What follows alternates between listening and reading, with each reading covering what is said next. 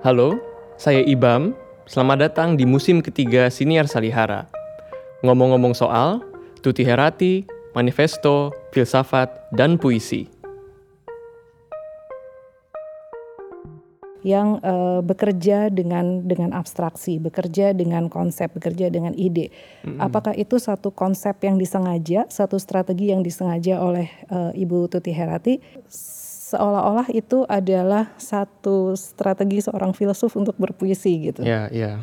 Atau ber, berperan di banyak hal uh, pada saat yang sama itu uh, sangat memungkinkan. Dia mm, seorang yeah. ibu, dia dia seorang uh, guru besar filsafat, dia seorang uh, patron di dalam bidang seni, dia juga mendirikan Biro Oktroy. Mm-hmm. Kemudian uh, uh, pada saat yang sama dia juga menulis secara aktif gitu ya dan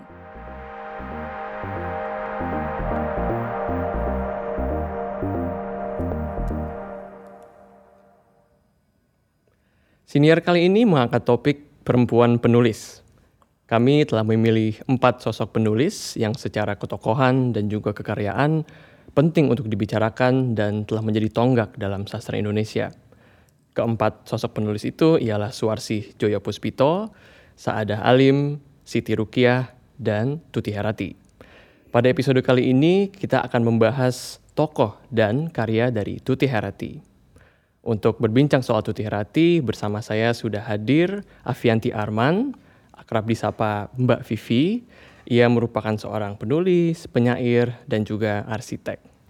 Halo Mbak Vivi. Halo. Apa kabarnya Mbak hari ini? Uh, deg-degan. deg-degan ya. Terima kasih loh sudah meluangkan waktu untuk membincang soal Tuti Herati. Uh, Mbak, jadi Tuti Herati ini kan seorang perempuan penulis yang sudah berkiprah sejak uh, awal 60-an ya.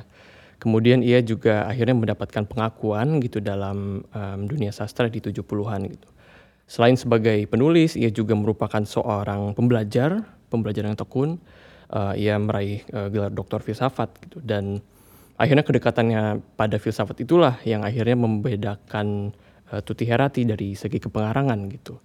Uh, nah, lantas uh, jika boleh meminjam terminologi dari kritikus Subagio Sastrowardoyo, Tuti itu bukan pengarang bakat alam, tapi ia merupakan um, pengarang intelektual begitu ya.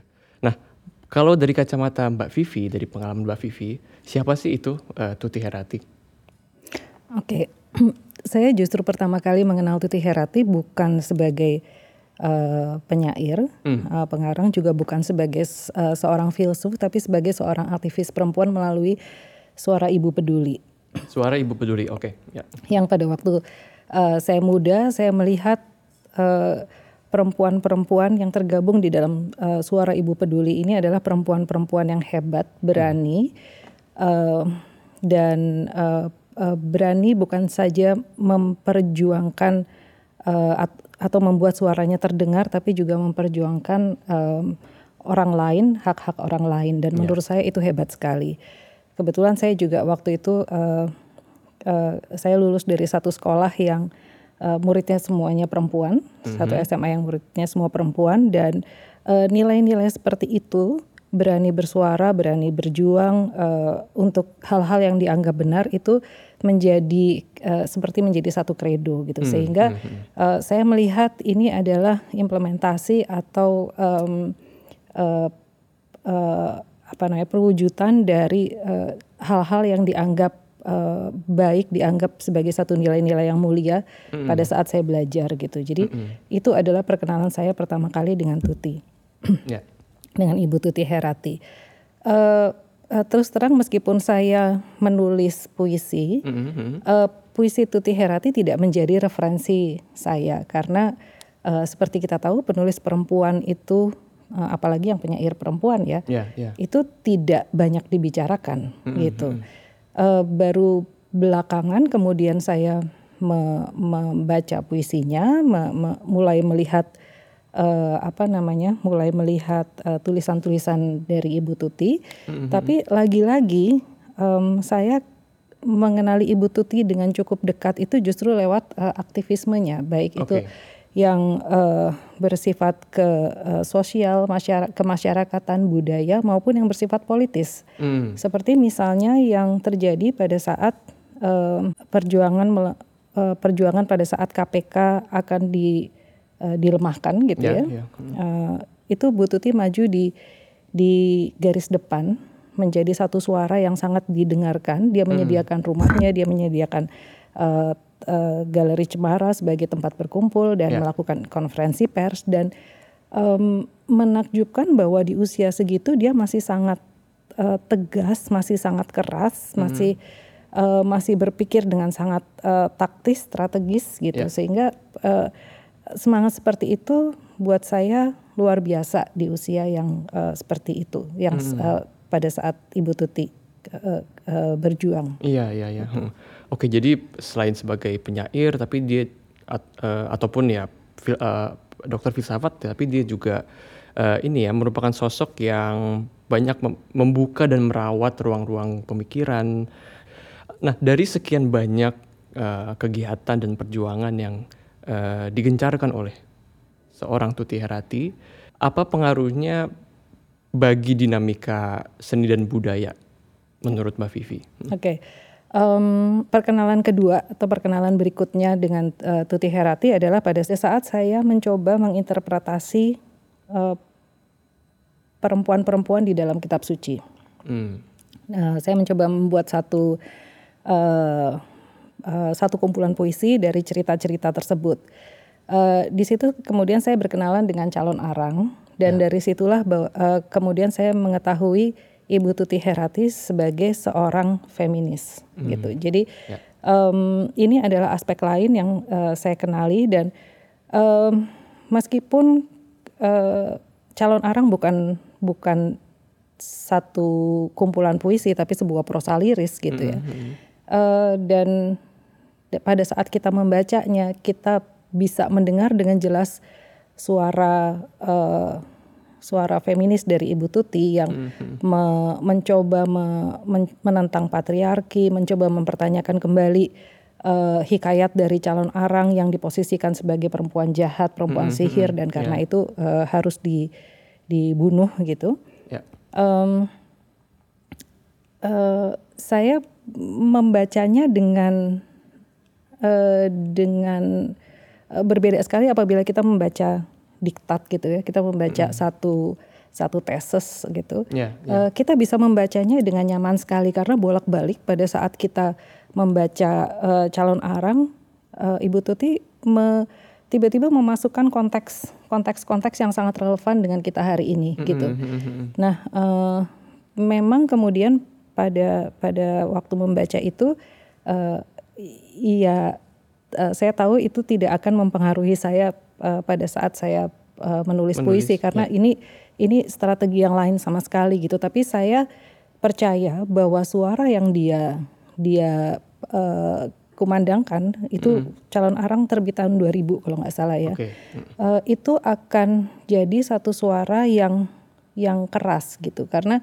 ini kalau saya mengutip uh, Intan Paramadita dia uh, bilang bahwa buku tersebut buku calon arang itu mm -hmm. di tahun 2000 itu disebut sebagai um, uh, buku dari seorang feminis yang marah-marah mm. gitu tapi yeah. uh, dengan demikian kan berarti suaranya sudah terdengar ya yeah, yeah. bahwa uh, kita perlu melakukan sesuatu untuk mengubah situasi uh, yang yang keras patriarkinya di mm. di hmm. sini gitu. Ya, oke. Okay. Uh, kemudian menurut pembacaan uh, Mbak Vivi, apa tawaran pemikiran yang paling menarik dari seorang Tuti Herati? Apakah mungkin tadi uh, melalui puisi-puisinya kah? Hmm, uh, saya selalu melihat literatur sebagai satu media, hmm. uh, media untuk penyampaian pikiran yang paling infiltratif. Satu pamflet atau satu himbauan atau satu apa namanya, satu uh, uh, satu teks yang sifatnya imperatif itu apabila kita berseberangan gitu, itu kita akan dengan mudah langsung menolaknya. Mm-hmm. Tapi uh, bentuk-bentuk literasi seperti misalnya puisi atau fiksi gitu, yeah. Ya. uh, itu tidak akan langsung mendapatkan tentangan gitu. Dan saya pikir uh, Bu Tuti punya peran peran yang sangat kuat di sini karena dia berdiri di dua kaki. Di satu sisi dia adalah seorang feminis, Ya. uh, di sisi lain dia juga adalah seorang uh, penyair yang Ya. melalui puisi-puisinya sebetulnya dia men- me- menyerukan hal yang sama gitu, tapi dengan cara yang uh, lebih itu tadi lebih infiltratif, lebih lebih uh, bisa kita terima sebagai sesuatu yang uh, benar gitu ya, tanpa merasa ter terdesak gitu. Ya, oke. Eh, Mbak Vivi melanjutkan perbincangan soal puisi-puisi Herat, eh, puisi-puisi Tuti Herati. Eh, sejauh eh, pembacaan Mbak Vivi terhadap puisi-puisinya, eh, bagaimana sih sebenarnya puisi-puisi eh, Tuti Herati ini? Gitu. Tadi kan eh, di pengantar kita eh, mengetahui bahwa eh, ia juga punya latar belakang akademis, dia merupakan seorang eh, seorang dokter filsafat gitu. Apakah eh, latar belakang itu muncul ke dalam karya-karyanya gitu? Ya. Eh, yang saya bisa amati eh, adalah karakter-karakter yang menurut saya mm, selalu muncul di dalam puisi-puisinya gitu. Mhm. Apakah itu terkait dengan eh, posisinya dia sebagai seorang intelektual eh, belum tentu gitu ya. Mhm. Tapi eh, rasanya kalau kita bilang bahwa sebagai eh, terkait dengan posisi dia atau peran dia sebagai feminis itu mungkin benar, Ya. mungkin. Eh, tapi tema tulisannya atau tema puisinya itu eh, selalu ada sebuah protes atau amarah yang yang terpendam Mhm. dari perempuan, Ya, gitu ya. ya. Hmm. Kemudian eh, juga kita melihat kilasan-kilasan eh, hal-hal atau norma-norma dari kelas menengah yang sebetulnya ya wajar saja karena memang eh, beliau ber eh, kelas menengah atas ya. Beliau berasal dari eh, dari dari situ gitu. Meskipun katakanlah hmm, apa namanya? Eh, ada puisi-puisi dia yang men- menceritakan mengenai situasi lost man yang yang sedikit kumuh dengan dengan eh, apa kamar mandi yang berlumut dan Ya, sebagainya. ya. Tapi hal-hal tersebut menjadi eksotis untuk kelas menengah, untuk yang dari kelas bawah itu adalah pemandangan sehari-hari Ya, gitu. ya, ya. Hmm. Em, juga eh, apa namanya eh, anasir-anasirnya itu terkait dengan kota ideologi. Jadi kita kita bisa mengamati di mana eh, beliau berkisar gitu. Mhm. Tapi juga eh, eh, mencakup eh, terutama di calon arang dan di bab-bab terakhirnya gitu ya, mencakup berbagai macam isu, eh, isu lokal, global dan segala de- dengan segala persoalannya. Eh, kita bisa bilang bahwa puisinya itu marah, tapi juga eh, punya kenakalan, ke- kejenakaan, eh, menggoda, eh, kadang kikuk gitu. Eh, eh, sering disebut tidak romantis, tidak liris gitu, tapi eh, pertanyaannya apakah itu persyaratan sebuah puisi kita juga nggak tahu gitu Ya, ya. ya, Jadi ya. itu Hmm. em, itu adalah karakter-karakter yang mungkin kita bisa lihat dari eh, puisi-puisi puisi-puisi dari Ibu eh, Tuti. Ya, ya. Mm. Ada contohnya nggak Pak kira-kira? Tadi kan kayaknya ada campur aduk antara yang eh, lucu juga tapi juga marah. Itu muncul di sajak yang seperti apa misalnya? Hmm, Kepikiran nggak? Iya, jadi ada ada eh, beberapa puisi yang saya juga eh, catat dan tandai. Ya. Cocktail Party, Oke, sajak yang berjudul Cocktail Party. Cocktail Party Ya. itu em, atau mungkin ini yang yang eh, apa namanya, yang eh, udah ketemu duluan nih, Cintaku Tiga. Cintaku tiga, oke. Ya, pada saat eh, apa namanya poligami disahkan hingga empat, ini eh, nggak sampai empat sini tiga aja kayaknya boleh sama Bu Tuti. Jadi eh, cintaku tiga, secara kanak-kanak menghitung jari, ku sebut satu persatu kini. Yang pertama serius dan dalam hatinya tidak terduga. Bertahun-tahun ku jadi idaman, mesraku membuat pandangnya sayu. Mungkin ia merasa iba padaku dan seterusnya gitu ya. Ya. Tapi eh, ini ini menarik gitu karena em, kalau kalau perempuan itu dimitoskan dengan kesetiaan gitu ya, Eh, eh, tiba-tiba eh, I- Ibu Tuti membuat sebuah puisi yang bilang bahwa cintaku tiga gitu. Mm, Itu eh, satu satu kenakalan tapi juga eh, sebetulnya satu pemberontakan gitu. Mm, mm, Satu satu suara yang menuntut eh, kebebasan untuk eh, apa namanya? Untuk mempertanyakan legitimasi atas atas itu ya. Mm, mm. Jadi nakal tuh dalam artian ya mendobrak stigma, mendobrak Betul. stere- stereotip gitu Betul, misalnya. Ya, betul. ya, ya. Mm, Gitu.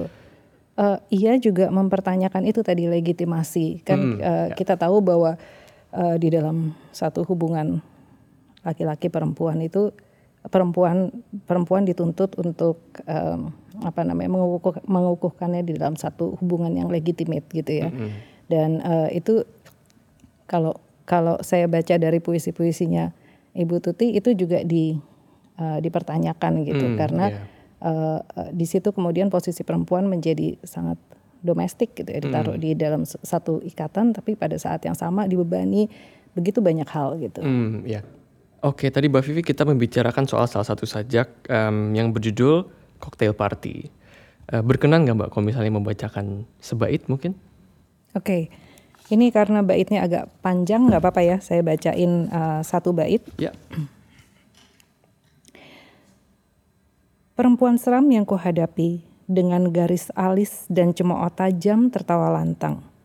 Aku terjebak, gelas anggur di tangan, tersenyum sabar pengecut menyamar, ruang menggema dengan gumam hormat, sapa menyapa dengan mengibas pelangi perempuan itu pergi, hadirin mengagumi. Mengapa terguncang oleh cemas? Dalam-dalam menghela nafas, lemas hadapi saingan dalam arena? Kata orang, hanya maut pisahkan cinta. Tapi hidup merenggut, malahan maut, harapan semu tempat bertemu itu pun hanya kalau kau setuju. Eh, Mbak Vivi, bagaimana dengan puisi manifesto? Bagaimana Mbak Vivi membaca puisi ini? Eh, manifesto ini sesuatu yang menarik ya, yang em, kalau dibilang bahwa Ibu Tuti Herati adalah feminis marah-marah gitu. Eh, sebetulnya harus membaca puisi manifesto ini karena di sini memang betul dia bersuara keras sekali. Ya. Eh, aku tuntut kalian. Kalimat pertamanya saja sudah keras sekali Ya, ya. langsung Ak- straightforward begitu ya. Betul. Aku tuntut kalian ke pengadilan tanpa pihak yang menghakimi. Siapa tahu suap menyuap telah meluas, menjulang sampai ke hakim tertinggi. Dan seterusnya adalah eh, protes terhadap eh, patriarki. Eh, di mana di situ dia sebutkan bahwa eh, perkara kecil membelenggu perempuan eh wanita dengan tetek bengek yang malah disyukuri olehnya secara serius dungu dan syahdu. Hmm. Gitu. Ini ini bukan sebetulnya bukan satu bukan satu apa ya hmm, pengkhianatan atau hinaan terhadap perempuan gitu ya, tapi justru satu satu sikap empati bahwa eh, memang eh, ada situasi-situasi di mana eh, perempuan itu merasa bersyukur eh, atas posisinya yang dilindungi, di Ya.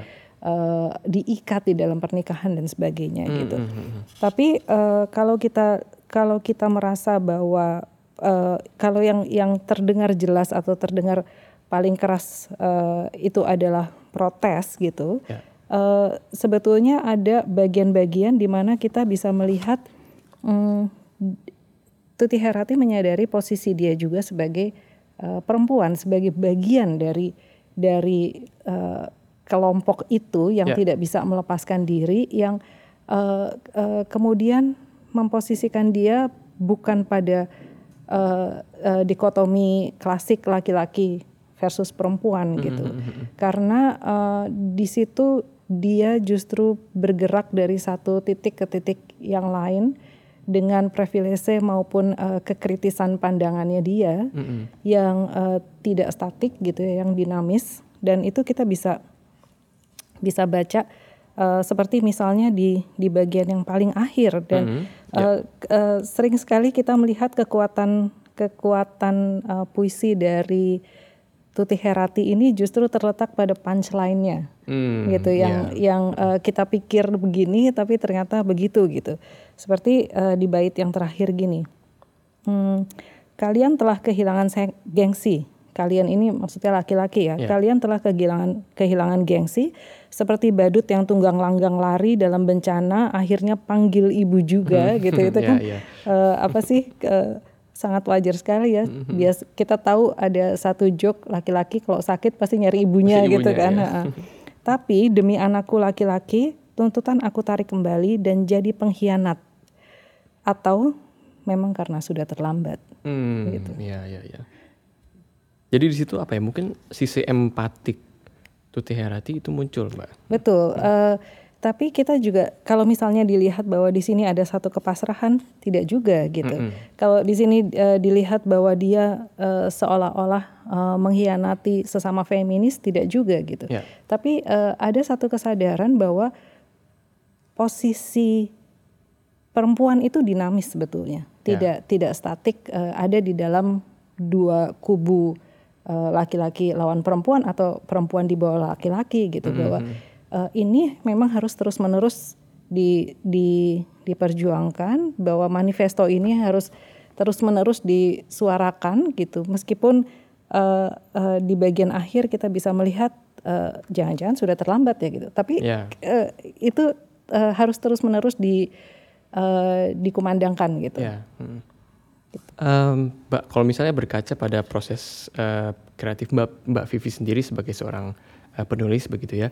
Mbak Vivi kan juga punya latar belakang arsitek gitu, tapi kemudian akhirnya juga uh, menulis gitu puisi dan pada akhirnya mungkin uh, muncul kesadaran kesadaran soal soal ruang misalnya gitu. Jadi ada pengaruh uh, latar belakang yang akhirnya muncul atau menyelinap ke karya-karya uh, puisi gitu.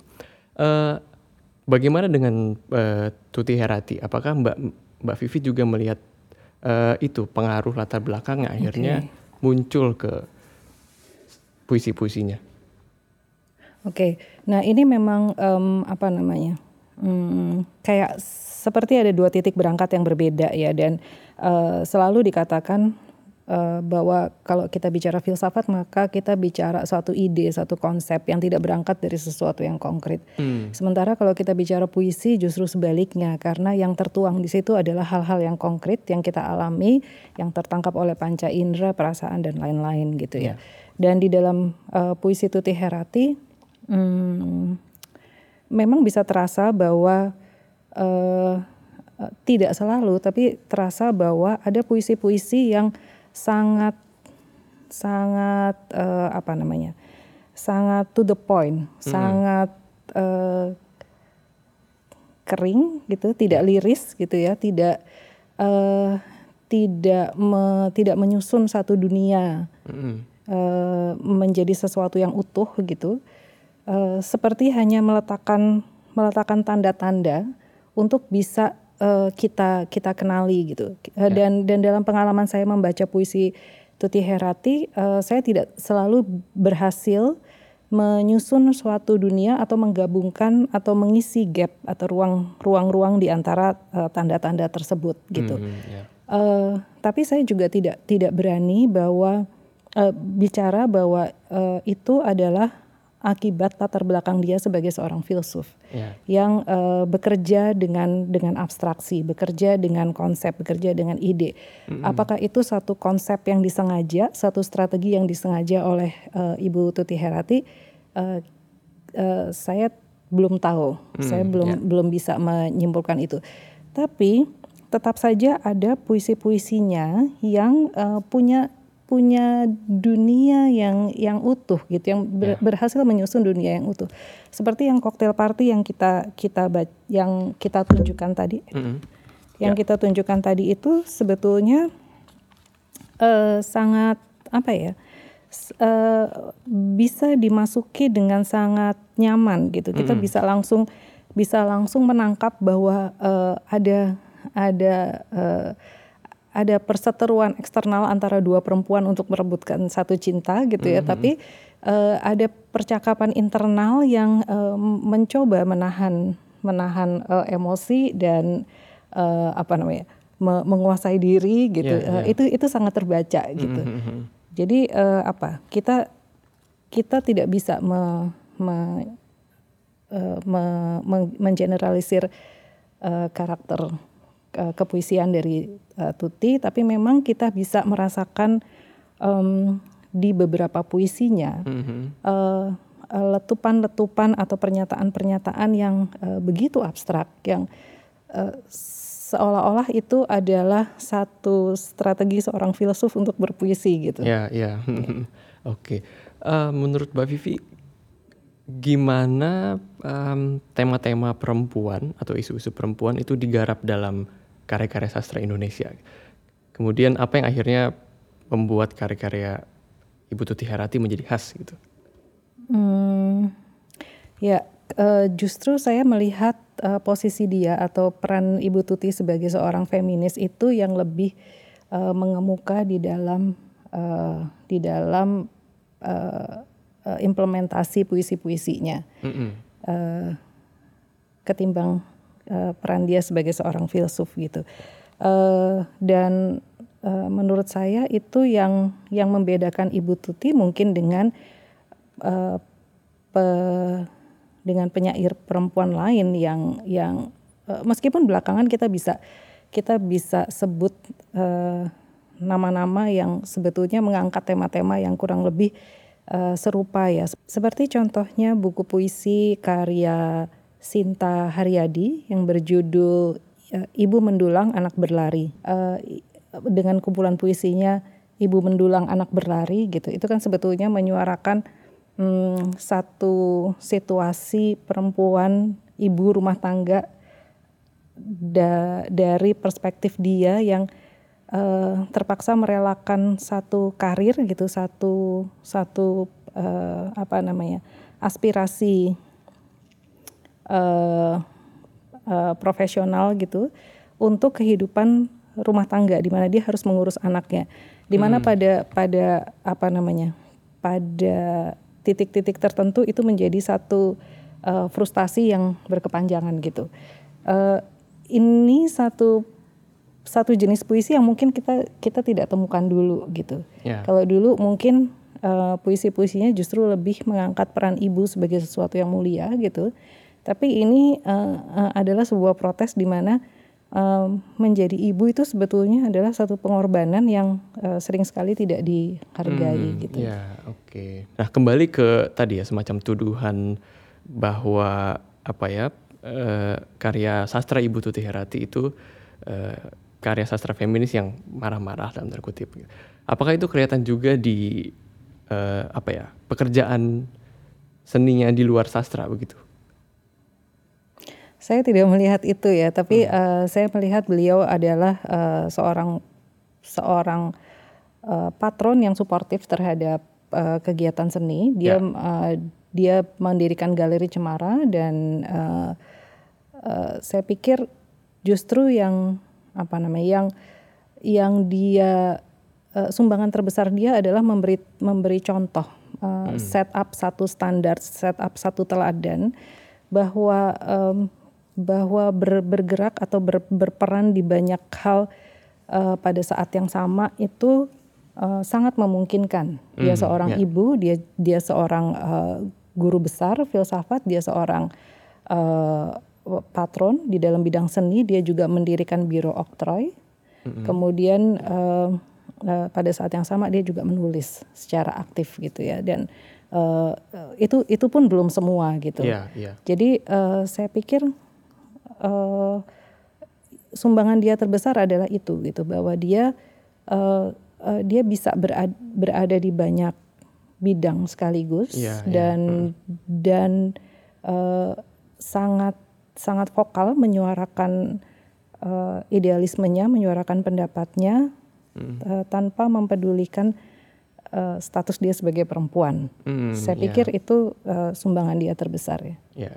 Uh, Mbak Vivi, Tadi kita sudah membahas baik pemikiran, uh, karya dan juga kerja-kerja menerus dari Tuti Herati.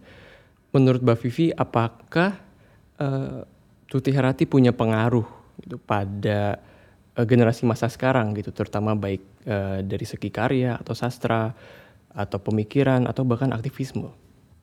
Uh, saya pikir hal-hal uh, tersebut yang tadi kita yang sudah Ibam sebutkan seperti baik itu karya, hmm. uh, pemikiran, aktivisme, itu punya jejak yang yang uh, kuat sekali di para penulis uh, hmm. feminis, uh, juga pemikir perempuan hari ini.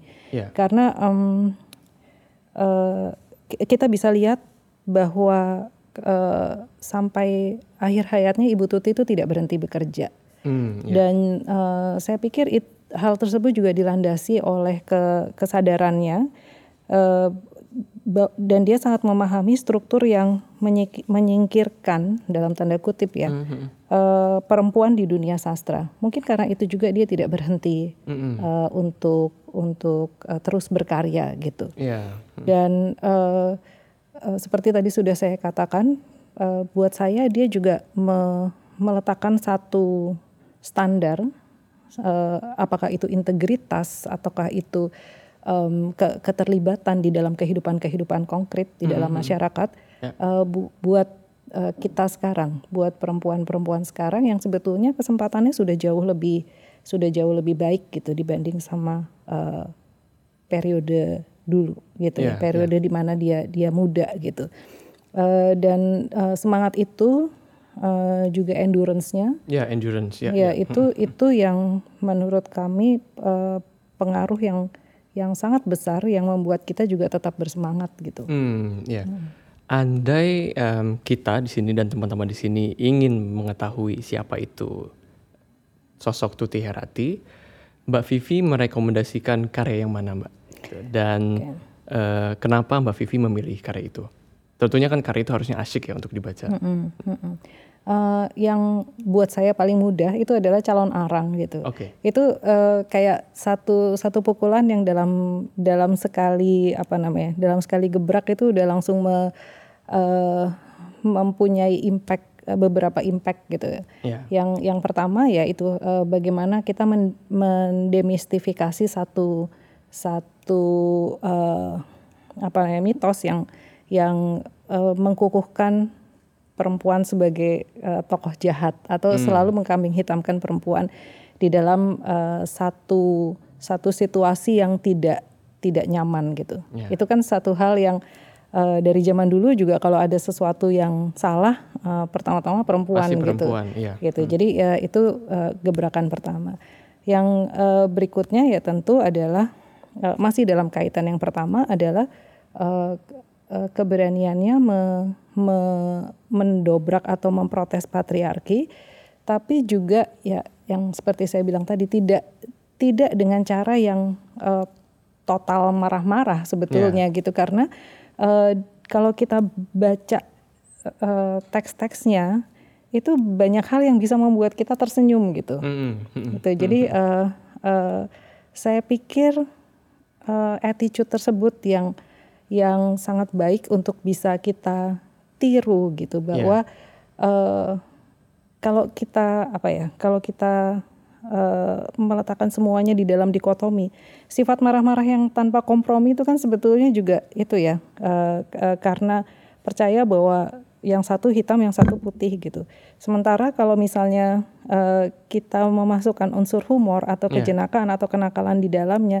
itu dengan kesadaran bahwa eh bisa-bisa kita salah loh gitu Iya, iya, jadi iya. saya pikir attitude semacam itu eh, kita bisa temui di dalam prosa lirisnya calon arang gitu. Iya, iya. dan eh, juga ke keterkaitannya dengan hal-hal yang up to date Eh, betul-betul di dalam sekali sapu tuh terutama di di baris-baris di teks-teks yang terakhir itu kita bisa melihat bahwa dia sangat sangat eh, up to date terhadap hal-hal atau konteks eh, hal-hal yang terjadi pada hari ini Hmm, gitu. Betul, ya, ya, ya. betul gitu. jadi mm, ya i- untuk untuk pintu pertama memahami eh, kekaryaan ibu tuti saya pikir calon arang Mm-mm. sangat baik gitu. Selain itu kalau misalnya memang kita berminat terhadap puisi saya pikir buku ini menarik sekali sih. Meskipun judulnya mimpi dan pretensi seperti eh, bahasan uh, tesis psikologi gitu tapi Iya, iya. sebenarnya ini satu satu buku yang sangat menarik gitu Iya. karena kita bisa melihat em, eh, beberapa tipologi kekaryaan puisi dari Ibu Tuti gitu. Tidak melulu yang tadi yang kering gitu, juga tidak melulu yang liris, eh, tidak melulu yang marah-marah gitu. Tapi dari situ sebetulnya kita bisa melihat bahwa eh, dia sudah melalui satu jalan panjang kekaryaan eh, dengan perubahan-perubahan yang mungkin bisa kita deteksi. Hmm, ya. Mbak Vivi, terima kasih atas ngomong-ngomong soal Tuti Heratinya. Kita jadi tahu Tuti Herati itu tidak hanya menulis puisi, tapi juga mengajar. Ia juga membuka ruang aman bagi pemikiran yang memperjuangkan uh, isu-isu gender dan juga merawat kebebasan berekspresi. Banyak sekali yang Tuti Herati wariskan. Selain puisi, ia juga mendirikan platform-platform seperti Mitra, Jurnal Perempuan, dan juga Galeri Cemara 6. Bagaimana dengan teman-teman? Apa hal dari Tuti Herati yang paling menginspirasimu?